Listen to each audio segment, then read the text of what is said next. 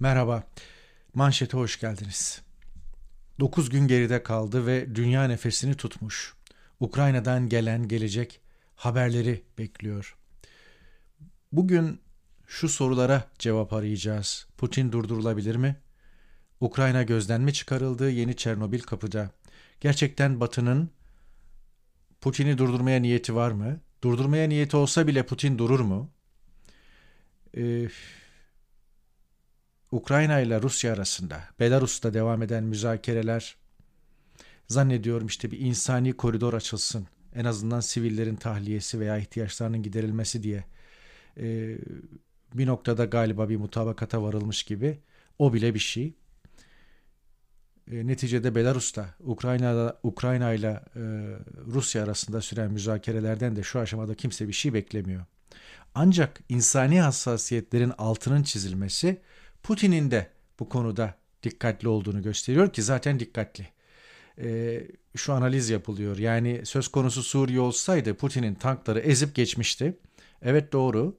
Söz konusu bu defa Ukrayna olunca ve dünyanın dört bir tarafından gazeteciler, kameralar, Ukrayna'da konuşlanmış olunca Polonya sınırından Macaristan sınırına Ukrayna'nın bütün şehirlerine kadar. Bakın benim her gün önümde BBC açık bunu defalarca söyledim biliyorsunuz zaten. Sabahtan akşama kadar e, sürekli önümde sesli veya sessiz açık. Her saat başı bülteninde e, bir e, muhabirle başlayıp bitiriyor. Her saat başı bültenini bir muhabir başlayıp bitiriyor Ukrayna'nın herhangi bir kentinden. En son Yelda Hakim saat başı bültenini Ukrayna'nın batısındaki Lviv'den açtı ve kapadı. Onu seyrettim. Lviv işte önce Lviv'i anlatıyor. Nedir ne değildir. İşte Polonya sınırına 60 kilometre mesafede vesaire filan. Sonra işte oradaki işte savaş ve durumu, halkın işte reaksiyonu, tepkisi, batıya göç. Yani pek çok e, televizyon, pek çok gazeteci bölgede binlercesi ve çok noktayı tutmuş durumdalar ve sizin orada tanklarınız artık insanları tepeliye tepeliye, şehirleri tepeliye tepeliye geçemiyor ve Kiev'in hemen kuzeyindeki Rus konvoyu 40 mil e, kilometreye vurursak 64 kilometre yapıyor. 64 kilometrelik lojistiği dahil o güç Rus askeri konvoyu pazartesi gününden beri bekliyor. BBC, e, BBC diyorum İngiliz istihbaratı e, mekanik bir takım sorunlar yaşandığı gibi bazı konuların altını çizmiş ama bizim yayınlarımızı takip edenler hatırlayacaklardır. Şubat başından beri hep şunu vurguluyorum. E, Putin e, ordusunu hemen Ukrayna'nın kuzeyinde e, tatbikat bahanesiyle Belarus'ta ve doğusunda yani Rusya topraklarında tutuyor. E, bir, bu ordu harekat için oraya gitti. Bu ordu müdahale için oraya gitti. Bu ordu savaş için oraya gitti. Operasyon için oraya gitti. Adına ne koyarsanız koyun. Yani aksiyon için gitti o ordu. Herhangi bir aksiyon olmadan o orduyu geri çekemezsiniz. Askeri mantık içerisinde de. Ordunun güdüsü o. Girmek isteyecek yani. Dolayısıyla bir bu açıdan. iki Şubat e, Şubat'ın ikinci yarısı Mart'ın ilk haftası bu işi bitirmesi gerekiyor. Çünkü e, karlar eriyecek ve kış koşullarında sert soğuk zeminde veya kar buzda tankların ilerlemesi, ordunun ilerlemesi daha mümkün ve Rus ordusu da e, kış koşullarında hareket kabiliyetine sahip bir ordu. 3 2-3 haftada da bu işi bitirmesi lazım. Çünkü işte bu işin lojistiği, psikolojisi, morali vesaire e, meseleleri var. E, buraya kadar aynen böyle geldi. Fakat e, bu denli büyük ekonomik yaptırımlar ve bu denli büyük Ukrayna direnişi hesap edilemedi. 16 bin profesyonel destek e, geleceğini açıkladı dün Zelenski. 16 bin profesyonel asker e, veya işte savunma gücü batıdan ağırlıklı olarak Amerikalı ve İngiliz geleceğini açıkladı. Bu arada lojistik destek mükemmel bir şekilde batıdan yağıyor. Asker mi, askeri olsun olmasın halkın ihtiyaçlarını karşılayacak hemen her şey tam anlamıyla bir seferberlik hali var. Sınırlar açılmış durumda. Milyonlarca Ukraynalı, 1 milyonu geçtiği ifade edildi Birleşmiş Milletler tarafından. Milyonlarca Ukraynalıya Batı kucak açıyor. Daha önce hiçbir ülkeye kucak açmadığı biçimde. E, dolayısıyla e, Putin'in hesabını, planını bu tür şeylerde aksatmış olabilir. Ancak E, benim kanaatim şu. E, şöyle sorular var. O sorulara cevap aramakta yarar var. E, hani fıkrada vardır ya işte dere kenarında e, suyun akıntısına göre yukarıda yer tutmuş olan kurt aşağıdaki kuzuya e, suyumu bulandırıyorsun diyor ya aynen öyle ve kuzu da isyan ediyor. Yani sen yukarıdasın ve su oradan bu tarafa doğru akıyor. Ben diyor senin suyumu suyu ben senin suyunu nasıl bulandırayım? Olsa olsa sen benim suyumu bulandırıyorsun. Ama e, kurt işte bir mazeret bulacak ya kuzuyu yemek için. Ben e, bütün bu gelişmeleri Putin açısından böyle okuyorum. E, NATO deseydi ki e, tamam ben benim Ukrayna ile Ukrayna'yı birliğe katmak gibi bir e, düşüncem yok. Ukrayna'nın Ukrayna ile bu yönde görüşmeler oldu veya Ukrayna'nın bu yönde talebi oldu ama biz Ukrayna'nın bu talebini nazik durum gerekçesiyle kabul etmiyoruz, etmeyeceğiz. Putin böyle bir yazılı senet istiyordu. NATO bu bunu verseydi bile acaba Putin Ukrayna emellerinden vazgeçmez miydi? Neonaziler deyip gene girebilirdi ki şu anda son dönemde neonaziler üzerinden yürüyor. Ukrayna'da oranı %1 veya 2'yi bulduğu ifade edilen özellikle 2013 sonu 2014 başı Yanukovic'in devrilmesiyle sonuçlanan meydan eylemleri 90 küsür gün sürmüştür. E, Netflix'te var. E, seyretmenizi tavsiye ederim. 2014 veya 2015 yapımı bir belgesel. Bir saatten biraz uzun. Bir şeyler öğrenirsiniz en azından Ukrayna Ukrayna hakkında konuşacak 3-5 dakika fikriniz olur. Meydan eylemlerinin ardından daha çok kendini göstermiş. Devlette de belli kademelere gelmişler. Yani e, taviz vermiş devlet. Yani Genelkurmay Başkan Yardımcılığı, Başbakan Yardımcılığı gibi bir takım bazı bakanlıklara getirilmeleri gibi bu radikal sağ unsurların veya kendine neonazi diyenlerin e, veya neonazilerin öyle nitelendirilenlerin belli yerlere gelmişler ama %1-2'yi geçmiyor ve bu %1-2 dediğiniz oran bütün Avrupa'da bütün ülkelerde aşağı yukarı olan bir oran. Hatta bazı ülkelerde daha yoğun. Yani Avusturya'da şu anda iktidarda mesela veya iktidar ortağı. Her neyse. Ee, bir şekilde e, e, kuzuyu kapmayı kafasına koymuş olan kurt e, suyumu bulandırıyorsun deyip gene onu yiyecekti veya onu götürecekti bilemiyoruz. E, tabii şu da söyleniyor. E, hiçbir ülke NATO veya Avrupa Birliği'ne silah zoruyla katılmıyor. Doğru ancak NATO e, adım, adımlarını atarken Rusya'ya doğru, Rus sınırlarına doğru adımlarını atarken e, kendisine katılmak isteyen Estonya, Etonya, e, Letonya, Litvanya, Polonya, e, Macaristan, Romanya'ya kadar, Bulgaristan'a kadar bu eski Doğu bloku ülkeleri, Sovyetler Birliği'nden kopmuş ülkeler öyle söyleyeyim. Şimdi bir bölümü öyle, bir bölümü de Sovyet etkisindeydi. E, Romanya, Bulgaristan gibi. Onlar Sovyetlerden kopmadı ama neticede hani Doğu bloku ülkeleri diyelim. Macaristan, e, Doğu Almanya mesela. Doğu Almanya, Batı Almanya ile birleştiğinde e, otomatikman e, NATO'ya katıldı. Gerçi buna Rusya ses çıkartmadı diyecek bir şey de yoktu. Ama diğerlerinin katılması e, Rusya'nın homurdanmasına yol açtı. Tamam kimse silah zoruyla NATO'ya katılmıyor ve ülkeler serbest hür kararlarıyla NATO'ya dahil oluyorlar veya Avrupa Birliği'ne dahil oluyorlar ama NATO genişleme stratejisini e, gözden geçirebilir. Bu ülkelere e, bir dakika diyebilirdi. Yani bu, bu atacağımız hamlelerle Rusya'yı ürkürtebiliriz, kışkırtabiliriz. Bu riskli bir hamle olabilir e, filan diyebilirdi. Bir strateji geliştirebilirdi. Nitekim onlarca yazar 1996-97'den bu tarafa onlarcası bu konuda analizler yazdılar. Siz böyle böyle bu ülkeleri alıyorsunuz NATO ittifakına ama bu Rusya'yı kışkırtıyor. Bu Rusya'yı kızdırıyor. Yarın öbür gün Rusya bu ülkelere saldırabilir veya Rusya Ukrayna'ya girebilir diye. Nokta atış Rusya'nın Ukrayna'ya girebileceği yönünde analizler yapılmış. Hırsızın hiç mi suçu yok? Evet hırsızın suçu var. Bugün Ukrayna'yı yakıp yıkan bir sürü insanın ölümüne yol açan bir numaralı. Yeni nükleer reaktörü patlatıyordu az kalsın. Putin bu işin sorumlusu ama hadiselerin gelişiminde bir takım satır aralarına da bakmakta yarar var. O anlamda söylüyorum ben. Yoksa bu yayında hiçbir biçimde bu işin sorumlusu NATO'dur. Ee, bu işin sorumlusu İngiltere'dir, Amerika'dır, Avrupa Birliği'dir falan demeyeceğimi siz tahmin edersiniz. Çünkü böyle bir şeye inanmıyorum. Ukrayna hakkında geriye doğru Ukrayna'nın son 20 senesi hakkında bir fikri olmayanlar gazete haberlerine son gelen son dakika bilgilerine bakarak yorum, analiz paylaşıyorlar.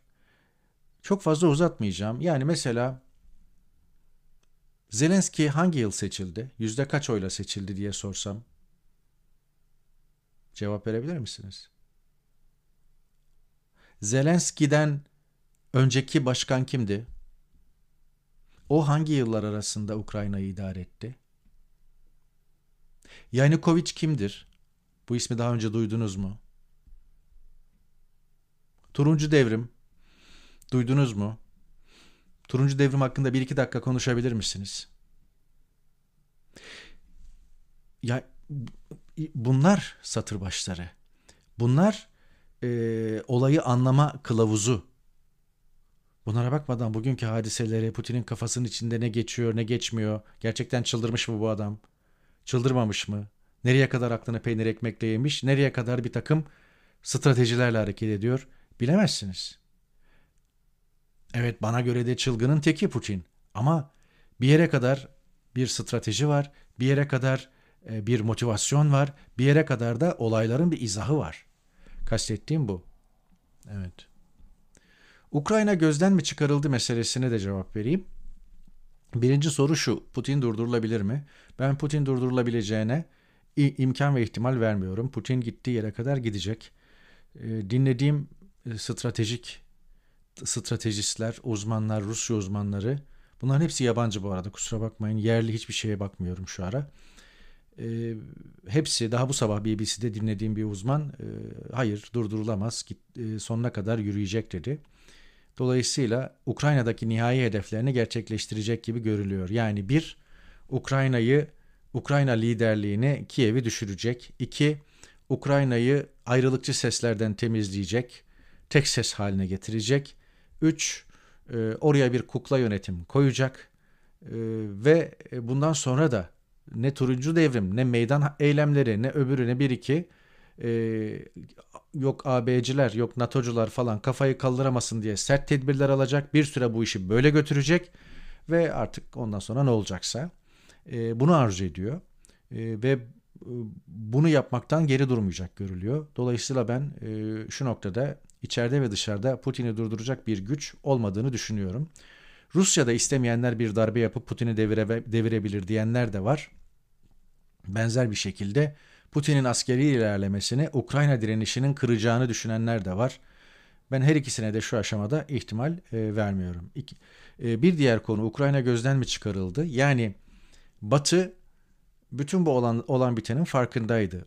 Uzmanların biraz evvel söylediğim onlarca uzmanın 1996'dan 97'den bu tarafa NATO'nun bu yayılmacılığında problem var arkadaş. Bak Putin'i kışkırtıyorsunuz. Yapmayın etmeyin Ukrayna'ya girecek bu adam gibi analizleri aldı Batı ve Putin'i büyüttü büyüttü. Bir süre işte onun oligarklarına kol kanat gerdi.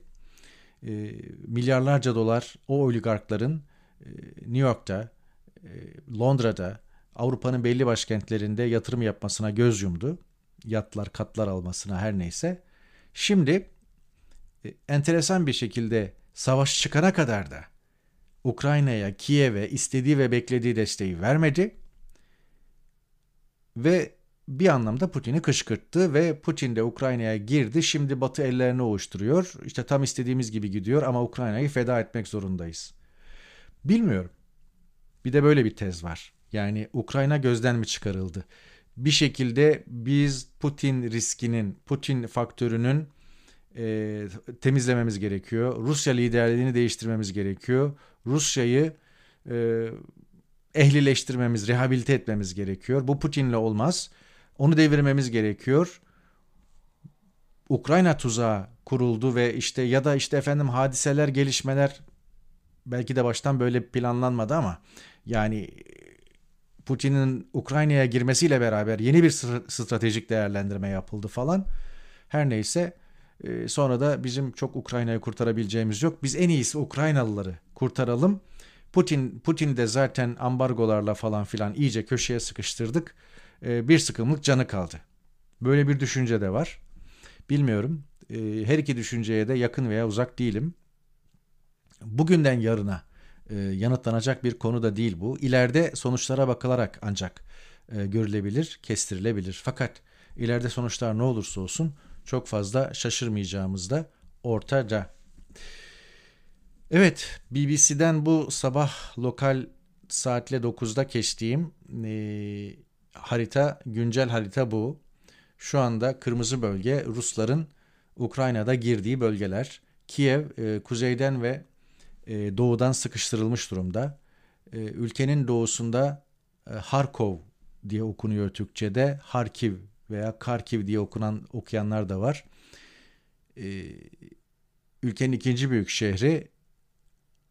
Orada da Rusları büyük ölçüde kontrolü eline aldığı gibi veya çatışmaların devam ettiği gibi haberler var ama hayır daha Karkiv düşmedi diyenler de var bilmiyoruz.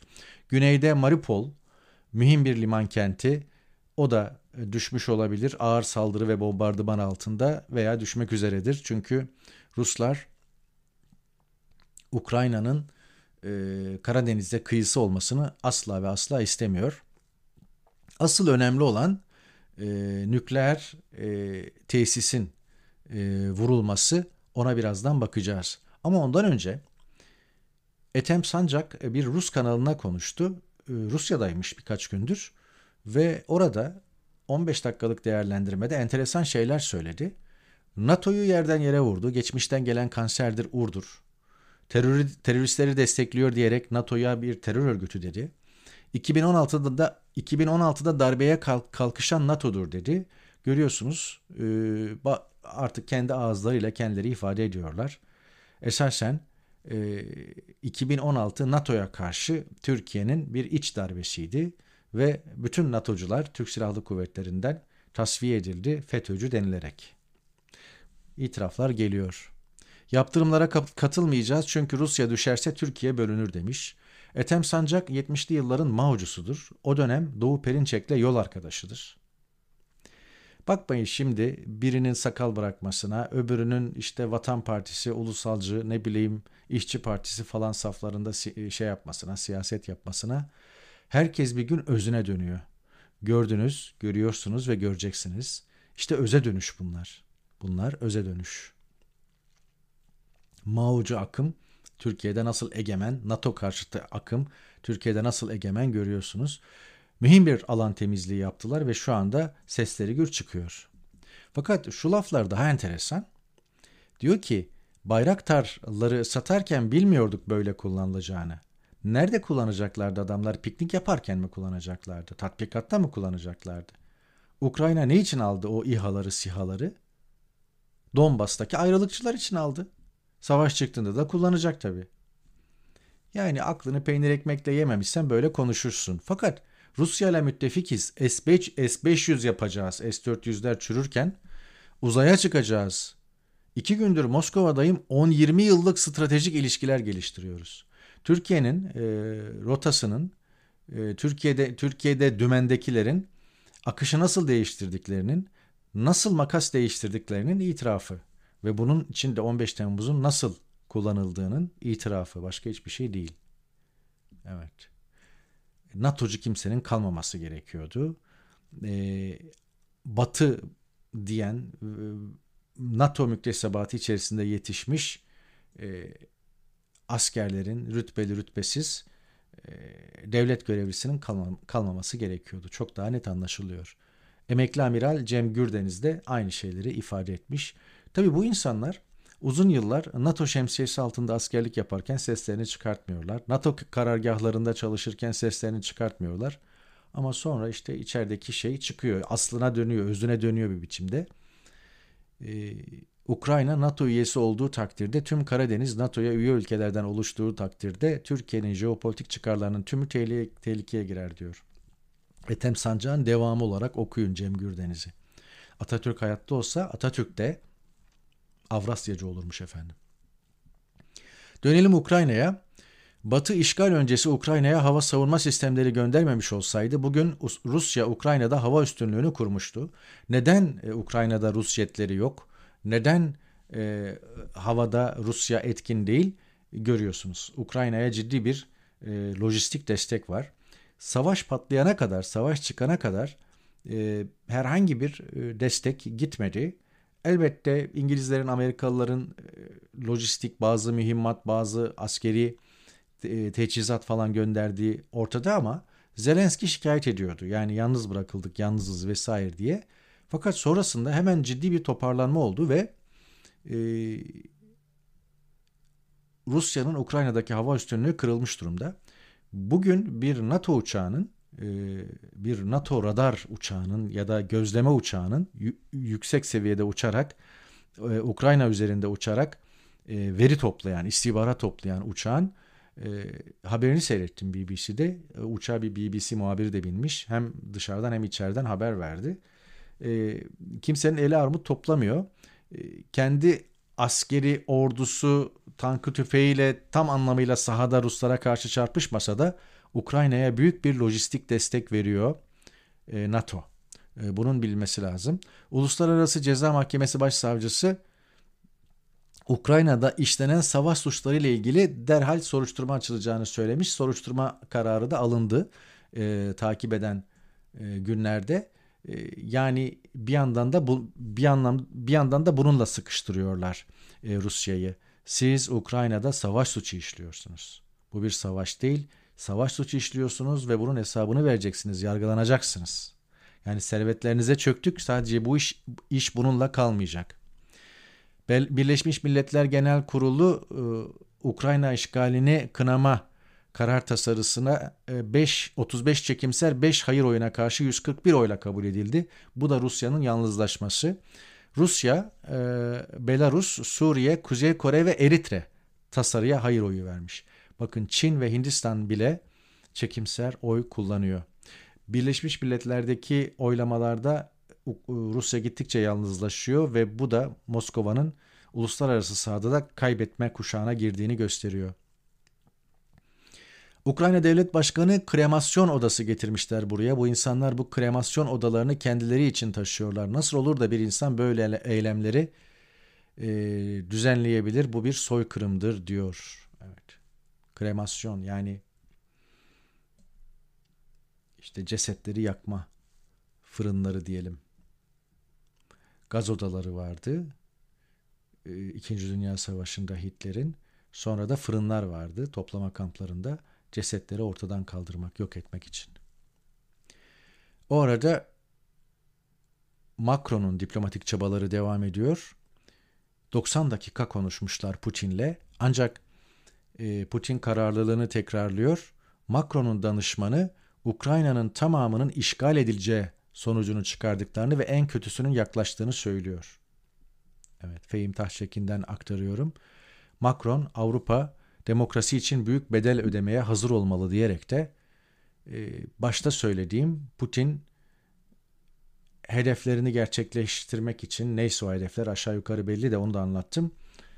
E, oraya doğru yürüyecek. Putin durdurulabilir mi? Putin durdurulamayacak. Putin gittiği yere kadar gidecek. Öyle görülüyor. Macron'un kastettiği de bu. 90 dakika konuşmuşlar telefonda ve Ukrayna'nın tamamının işgal edileceği sonucunu çıkartmış Fransa Başkanı. İtalya Başkanı Draghi 10 milyon euro üzeri serveti olanların kişi olarak kaydını sağlayacak düzenleme önermiş. Evet Avrupa'da makas daralıyor. Ee, pek çok oligarkın serveti ne el konuluyor, donduruluyor, yatlara el konuluyor vesaire. 25'i geçti sayı. Bunların hepsinin Kremlin'le ilişkili, Putin'le ilişkili, Putin'in Kremlin'in kasaları olduğu ifade ediliyor. Ama e, bu isimleri bildiğinize göre ve bu isimlerin mallarına bir anda çöktüğünüze, el koyduğunuza göre bu oligarkların e, kendi paralarıyla yatırım yapmadığını, Putin'in parasıyla, Kremlin'in parasıyla neyse e, yatırım yaptığını da biliyordunuz. Yani her şeyi biliyordunuz. Hiçbir şey saklı gizli değildi. Bu oligarklara ülkelerinizi açtınız. Bu oligarklara oturumlar verdiniz. Bu oligarklara ülkenizin en değerli yatırım araçlarını verdiniz. Futbol kulüpleri satın aldılar, e, saraylar satın aldılar, e, bankalar açtılar, yatırımlar yaptılar her neyse. Kraliçe tarafından ağırlandılar İngiltere'yi kastederek söylüyorum vesaire. Yatlar aldılar neyse yani e, oturumlar verdiniz, vatandaşlıklar verdiniz. 3000'e yakın Rus oligarkına şey e, oturum sağlamış İngiltere. Şu son 10-15 yıl içerisinde. Ama Batı her şeyin farkında. Yarın öbür gün bir yaptırım meselesi e, söz konusu, ambargo söz konusu olduğunda anında şalteri indiriveriyor. Bu iyi mi kötü mü? Bunun belki oligarklar anlamında ya da mesela diyelim ki Türkiye'de zenginleşip e, Avrupa'da Avrupa'ya mal kaçıranlara da aynı şekilde yarın öbür gün aynısı yapılabilir. Erdoğan rejimi devrildikten sonra onlar da şu anda korkmuşlardır. Oligarklara bunları yapanlar bize neler yapmazlar diye. Biz e, paramızı Londra'ya kaçırdık. Ne bileyim Zürih'e kaçırdık, Portekiz'e kaçırdık, Amerika'ya, Kanada'ya kaçırdık. Orada güvende olduğunu zannediyorduk ama yarın öbür gün rüzgar ters estiğinde her şeyimize demek ki orada bile çökebilirler diye telaşlandıkları kesin dünyada güvenebilecekleri bir ülke var mı? Onun da olmadığını gördüler. İşin böyle bir yanı var. Ama bir diğer yanı da şu, bunu da yavaş yavaş konuşmaya başlamamız lazım. Devletlerin canlarını sıkan hemen her konuda finansal olarak belli düğmelere basıp e, hesapları bloke etmesi, banka kartlarını çalışmaz hale getirmesi, parasına parasını dondurması, servetini dondurması falan gibi konular ciddi bir özgürlük ihlali aynı zamanda. Şu anda bu oligarklar açısından olumlu sonuç vermiş gibi görünmekle birlikte yarın öbür gün kurunun yanında yaşın yandığını da göreceğiz gibime geliyor. IKEA Rusya ve Belarus'taki faaliyetlerini askıya almış. Intel çip ihracatını veya çip üretimini Rusya için durdurmuş vesaire. Pek çok böyle talep geliyor. İşte McDonald's'tan H&M'e kadar falan bütün batılı markalar e, Rusya'dan şeyini çektiler. Elini çekti. Bakalım iş nereye gidecek. Ama en önemli hadise buydu. Geceden sabaha evrilirken gün Rusya Ukrayna'daki Avrupa'nın en büyük nükleer santralini ele geçirdi. Bombardımanla ancak Birleşmiş Milletler yetkilileri e, Zaporijya nükleer santralinde çıkan yangının kontrol altına alındığını ve radyasyon seviyelerinin normal olduğunu açıklamışlar. Zaporijya Sinop'a 667 kilometre uzaklıkta. Türkiye'yi çok ilgilendiriyor. Bakın Çernobil oranın neredeyse iki katı uzaklıktaydı ve Çernobil patlamasından 1986 Türkiye etkilendi ve Karadeniz'de kanser vakaları arttı. Kazım Koyuncu da bundan gitmişti hatırlayın. Zaporijya eğer patlarsa Çernobil, Çernobil'in 10 katı kuvvetinde. Ukrayna'da 15 reaktör var. Nükleer reaktör var. Zaporijya'da, Güney Ukrayna'da işte Çernobil 2000'den bu yana kapalı gerçi. 5 noktada 15 reaktör var. Son derece önemli. Bunlar mühim e, nükleer reaktörler. Elbette Rusya bunların yerini biliyor, bunları ele geçirme yöntemini biliyor, bunların bombalanmayacağını biliyor falan. Ama Tuğçe Varol yazmış, güzel de yazmış. İşte sen uzay teknolojilerinde Amerika ile yarışıyorsun işte e, nükleer silahlar yapıyorsun falan. Sonra bir e, nükleer reaktöre tankla girmeye çalışıyorsun falan. Patlatacaksın ve bu, Rus ve bu Rusya Rusya'ya da zarar verecek. Yani sadece Ukrayna'ya değil. Evet. Böyle de bir aklını yitirme hali. Bu yeni bir haber. İnsan Hakları Konseyi Birleşmiş Milletler Rusya'nın Ukrayna işgalini çoğunluk oyuyla kınadı savaş suçlarını inceleyecek soruşturma komisyonu kurulmasına ilişkin karar tasarısını da kabul etti. Yeni oylama. E, üst üste oylamalar oluyor Birleşmiş Milletler'de ve farklı dairelerde. Karara karşı bu defa karşı oy kullanan tek ülke Eritre. Çin, Küba, Venezuela gibi Rusya'nın müttefiki kabul edilen ülkeler çekimsel kalmışlar. Evet bu yine Moskova açısından, Kremlin açısından çok çok kötü bir haber. Oleksandra Harkov'da 25 yaşında dört köpeğiyle dairesinin banyosunda saklanan bir Ukraynalı e, belki yani Rus kökenli Ukraynalı diyelim.